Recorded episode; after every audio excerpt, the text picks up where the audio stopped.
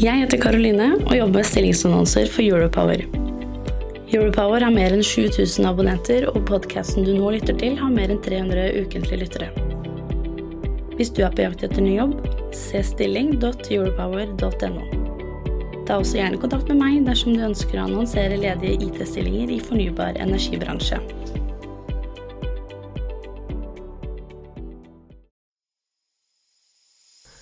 Det er mange måter å regne på det, men eh, bare i arbeidstid så tror jeg vi kan spare to årsverk per brønn på norsk sokkel. I tillegg til det så kommer eh, utstyr, hardware.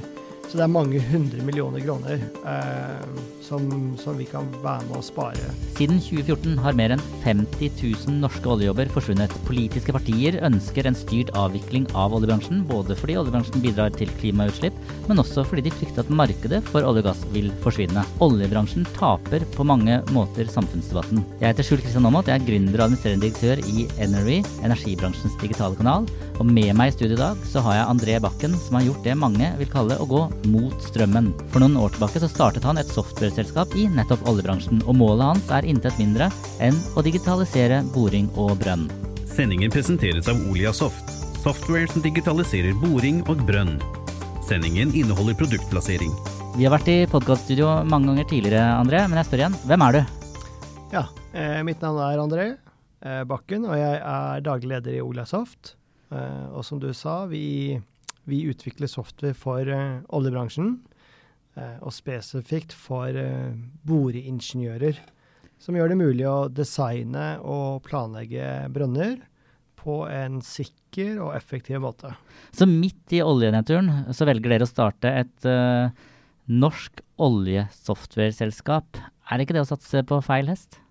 Nei, det er jeg ikke enig i. Men verden vil trenge veldig mye energi i mange, mange år framover, eh, som må leveres fra olje og gass. Eh, det er ingen alternativer til det.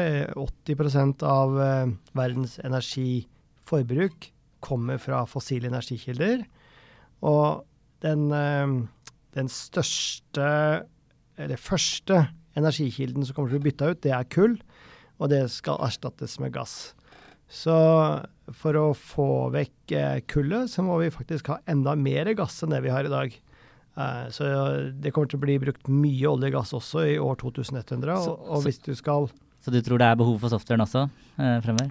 Ja, det er veldig bra behov for softwaren. Så i år 2040, hvis vi skal ha FNs togradersmål, eh, så skal det fortsatt brukes 80 millioner fat olje og gass hver dag. Ja, det, det, er jo ikke akkurat det vi leser i overskriftene i avisene, men det er vel kanskje ikke alltid man skal uh, styre etter de.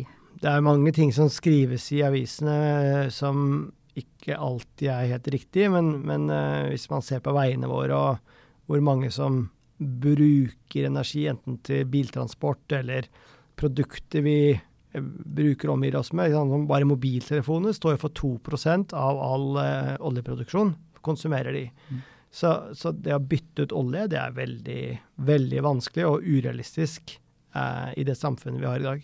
Så er det ofte en eh, litt sånn syretest når man er gründer da, eh, og har en god idé og tester litt ute i markedet. Eh, hvordan har eksterne investorer tatt imot budskapet om software-selskapet deres? Vi har vært veldig heldige.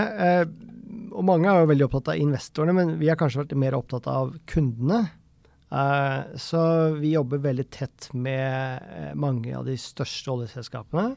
Sånn, Equinor bidrar veldig mye til å, eh, vår software. Samme gjør Lundin. Chevron jobber vi med i USA. vi jobber med Shell. og vi har mange andre som også er interessert. Da. Og når du får kunder som er interessert, da kommer alltid investorene. Ja, det er godt, godt poeng. Altså, hvis vi skal tillate oss å nerde litt, da. hvilke problemer er det Oliasoft sin software skal løse? Nei, Du har helt rett, det er jo et utrolig snevert fagfelt, og veldig nerdete. Eh, så eh, naturen har nå en gang lagd det sånn at det, eh, oljen er langt nede i bakken. Og for å komme dit, så må vi bore. Det er ingen ingen annen mulighet, verken for å bekrefte at oljen er der, eller å få den opp, annet enn at du må bore. Eh, I Norge så, så er jo oljen offshore. Eh, I noen andre land så er den jo også på land. Men eh, bore må vi, og da ligger oljen gjerne ja, Reservoarene er fra 3000 meter nedover, stort sett, til kanskje 12 000 meter. Og da må du bore deg nedover dit. Og da borer man eh, til å begynne med store hull. Eh, og så har man samme problemet som du har når du er på stranda om sommeren og kanskje skal grave en lite eh, hull sammen med barnet ditt. Ja. Eh, og så dresser sanda ned Mm. i det hullet. Og da, for å hindre det, så setter man ned rør Mm. i, i det hullet du har bora. Er det det som heter, kalles casing? Det kalles for casing, ja. Mm. Det er helt riktig. Eller et foringsrør på norsk. Mm. Ja. Eh, og når du har fått satt ett foringsrør, eller en casingseksjon, så kan du fortsette å bore. Eh, og da borer du en, en eh, seksjon til, og det kan jo være på flere tusen meter mens man borer der. Og, og når du har kommet nedover, så vil det være så stort trykk fra jordkloden at uh, dette med eh, at det faller ting fra veggene inn i hullet ditt, det blir et større og større problem til lenger ned du kommer. Og For å stoppe det igjen, så må du sette en ny casingseksjon. Og Den henger fast på toppen eh, og er, går flere kilometer nedover. Eh, og da er den formasjonen sikret. Og sånn kan du fortsette helt til du kommer ned til reservoaret ditt. Ja. Eh, det, men, men så kan du jo få andre problemer underveis. Da. Det er jo at eh, trykket kan bli så stort at den casingen din kollapser. Vi anklager som et sugerør som blir klemt fast, eller klemt sammen når du drikker brus. Um, eller du kan få gass inn i dette røret. Uh, og gassen den dobler seg i volum hver tiende meter oppover. Og da kan røret faktisk sprekke. Og det, dette må unngås for enhver pris, hvis ikke får du store store problemer og, og utblåsninger og ulykker. Da. Det var jo det som skjedde på den eh, store ulykken i USA som heter Macondo, Mm. som skjedde for eh, litt over ti år siden. Ja. Ja. Så det er det, alt dette er det vi regner på og gjør mulig for uh, oljeselskapene å gjøre på en sikker og effektiv måte. Sendingen presenteres av Oliasoft, software som digitaliserer boring og brønn. Sendingen inneholder produktplassering. Ja, for, for hvordan man på Hvordan planlegger man da en brønn? Det første du gjør, er å planlegge selve brønnbanen. Hvor skal du begynne på toppen? Altså hvor står riggen din? Og hvor er svaret nede i bakken? Og så må du tegne en, en brønnbane som tar hensyn til hva slags type geologi det er. Eh, for det er ikke alle geologier som er like lette å forholde seg til. Sånn som salt, det beveger seg. Mm. Og det er veldig vanskelig å, å ha en brønn som over tid klarer å motstå kreftene fra jordkloden. Eh, men men brønningeniøren har funnet måter å gjøre det på. Så det er det første man gjør. eh, Og når man har funnet en bane som man er fornøyd med, så eh, beregner man med foringsrøren og casing design for å sjekke at det tåler alt trykket som den kommer til å bli utsatt for. Og til slutt så setter man inn et rør inni casingen som heter tubing. Ja. Og det er der oljen og gassen kommer opp. Og da kommer det også mye temperatur, fordi oljen holder 70-100 grader, sånn cirka. Og den temperaturen den sprer seg jo ut i casingen din og forandrer egenskapene til stålet. Eh, og dette må du regne på, og, og ta inn eh, fysikkberegninger eh, på alt sammen. Og da, når alt dette er gjort, og du har gjort alt sammen, så sender vi det inn til eh, Petroleumstilsynet i Norge. Og hvis de syns at du har gjort en god jobb og følger den standarden som heter eh, Norsok, så får du tillatelse til å bore. Så hver eneste brønn i Norge krever boretillatelse fra Petroleumstilsynet. Og vi har også en veldig, veldig sikker eh, borepraksis i Norge. Så, så softwaren eh, til Oliasoft den, den hjelper altså med å planlegge disse brønnene. Mm. Eh, men det, man har jo planlagt brønner tidligere. Hva er det som gjør at, eh, at dere tror at dere kan eh, som nykommere lykkes? Hva er det som gjør eh, softwaren eh, deres eh, så spennende? Ja, eh, det er flere grunner til det, men, men eh, datamaskiner har utvikla seg veldig fort i mange år. Og i dag så kan man jo ha mobiltelefoner som har mer datakraft enn man hadde på en eh, stor datamaskin for ti år siden. Eh, og den softwaren som alle bruker i dag i bransjen, er lagd på 80- og 90-tallet. Så det er et veldig stort behov for en, en oppgradering av, eh, av verktøyene som boreingeniørene bruker, eh, og det er der vi kommer inn. Så oljeselskapene har også veldig mange nye mål. De ønsker å effektivisere, og de, og de ønsker automatisk planlegging. Og de ønsker på sikt også autonom boring, altså plattformer som ikke har mennesker om bord. Og, og, det er ikke mulig å få til med gammel software. Eh, da må man på en måte ha software som kan kommunisere med annet utstyr, kommunisere til land. Og software som er bygd før internett kom, er, har ikke det. Men, men, hvorfor kan vi ikke bare eh, videreutvikle eksisterende software istedenfor å starte helt på nytt? Nei, eh, eksisterende software er veldig knytta til manuelle prosesser, som er nesten umulig å, å fjerne. Så du, du, er, du, har det som heter legacy-problemer, hvor, hvor uh, historien på en måte fanger, og, og da gjør det det ofte enklere å bare begynne på nytt. Og det er gjort mange designvalg eh, som gjør at du er bundet av de, av de gamle produktene har. Da. Litt som å pusse opp et eldgammelt hus istedenfor å bygge nytt? Ja, egentlig veldig riktig sagt. Hvis du går inn i gamle bygårder i Oslo, så ser du de gamle romløsningene så klarer du ikke å lage det til en moderne toroms med åpen kjøkken og stueløsning. Det er, du, har, du har rett og slett masse bærevegger i, i tidligere Det er helt riktig, ja. det er det du har. Ja. Så du, noen ganger bare må du begynne på nytt, og software utvikler seg så veldig fort. Eh, fordi hardwaren utvikler seg så fort.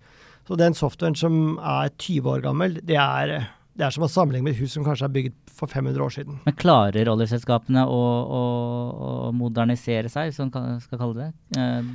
Jeg syns oljeselskapene er veldig flinke. Eh, det er utrolig mange dyktige folk der.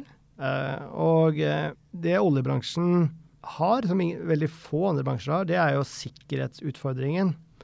Eh, fordi hvis man gjør noe feil, så får det veldig store konsekvenser og kan få store ulykker. Så, så, man sikrer seg, man tester veldig nøye, og man regner og sjekker og kontrollerer. Men når de finner ut at uh, dette her er bra, eller et nytt produkt er bra, så blir det tatt fort i bruk i bransjen. Men så er det jo mange, eh, mange leverandører der ute som lover, lover at digitaliseringen deres skal bidra, eller gi stor effekt. Mm. Vil du si at de leverer? Er, er digitalisering i mange, mange, settinger keiserens nye klær? Ja, det, den er jo litt det, fordi Er det mange som kaster penger ut av vinduet?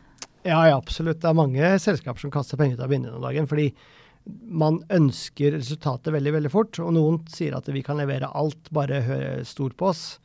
Men uh, virkeligheten er jo annerledes, og det er at det tar litt tid å bygge, bygge softwareprodukter, og, og det er veldig spesialisert.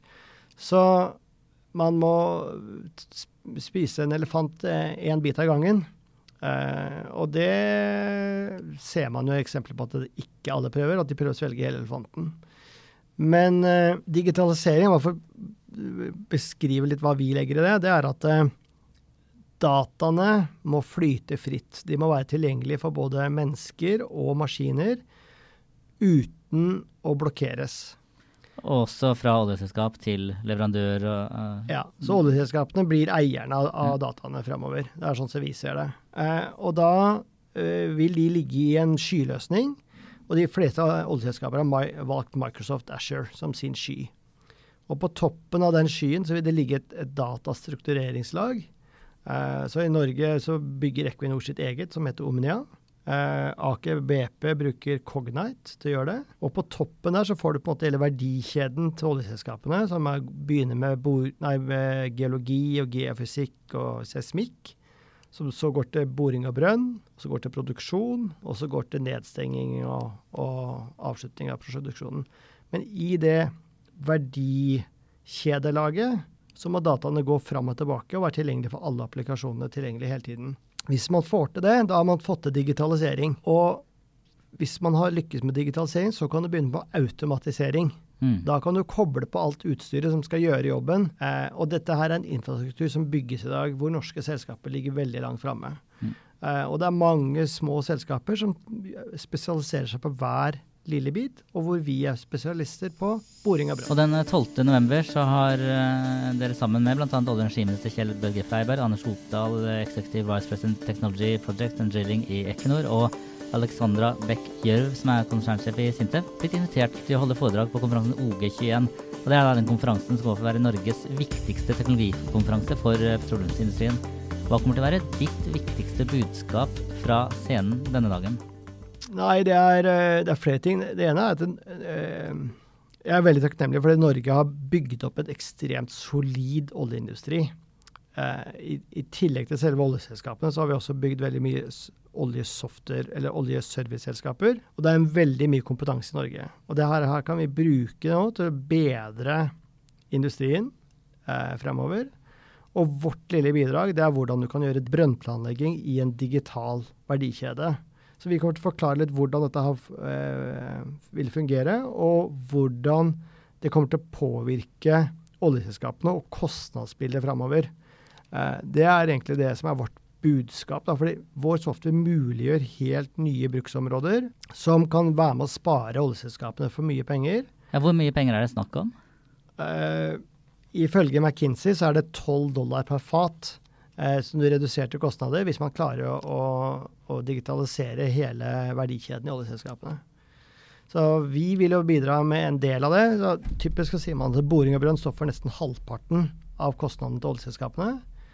Så da burde jo fire til seks dollar da, komme per fat komme ut av digitalisering av boring av brønn. Så hvis du sier si, den heispitchen, eh, hvor mye penger kan man spare per brønn? Ja, Det er mange måter å regne på det, men eh, bare i arbeidstid så tror jeg vi kan spare to årsverk per brønn på norsk sokkel. Og det og I tillegg til det så kommer uh, utstyr, hardware. Så det er mange hundre millioner kroner eh, som, som, vi kan være med å spare. Og selv om oljeindustrien bidrar til klimautslipp, så vil jo da to år vil jo redusere utslipp per brønn da? Vi bidrar til å redusere utslipp her, men det som vi også bidrar til, da, så, som er veldig viktig her, det er jo at eh, carbon capture og storage Hvis vi nå lykkes med å få til effektiv eh, karbonfangst, så må vi lagre den karbonen et eller annet sted. Og da er det veldig aktuelt å bore brønner ned i tette reservoarer for å putte, putte, det ned der. Og, og, de har helt spesielle krav til legering på stål og, og sånne beregninger, som vi vil kunne hjelpe dem med til å gjøre.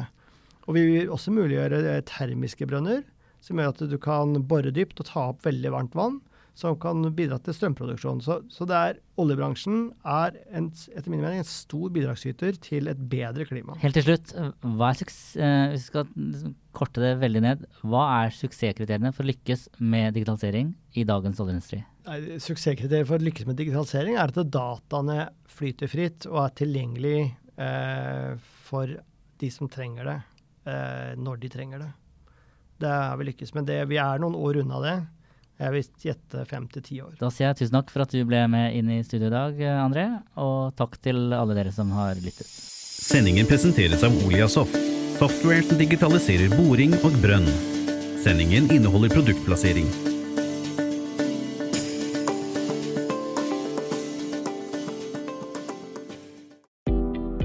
Jeg heter Karoline og jobber med stillingsannonser for Europower. Europower har mer enn 7000 abonnenter, og podkasten du nå lytter til, har mer enn 300 ukentlige lyttere. Hvis du er på jakt etter ny jobb, se stilling.europower.no. Ta også gjerne kontakt med meg dersom du ønsker å annonsere ledige IT-stillinger i fornybar energibransje.